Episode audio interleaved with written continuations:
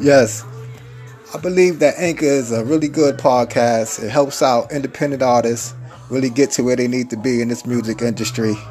Uh, as for podcasting, it's the best thing I've ever been um, involved in.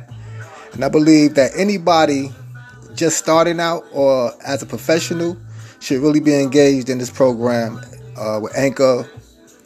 It's really beneficial and it really helps out. Slade.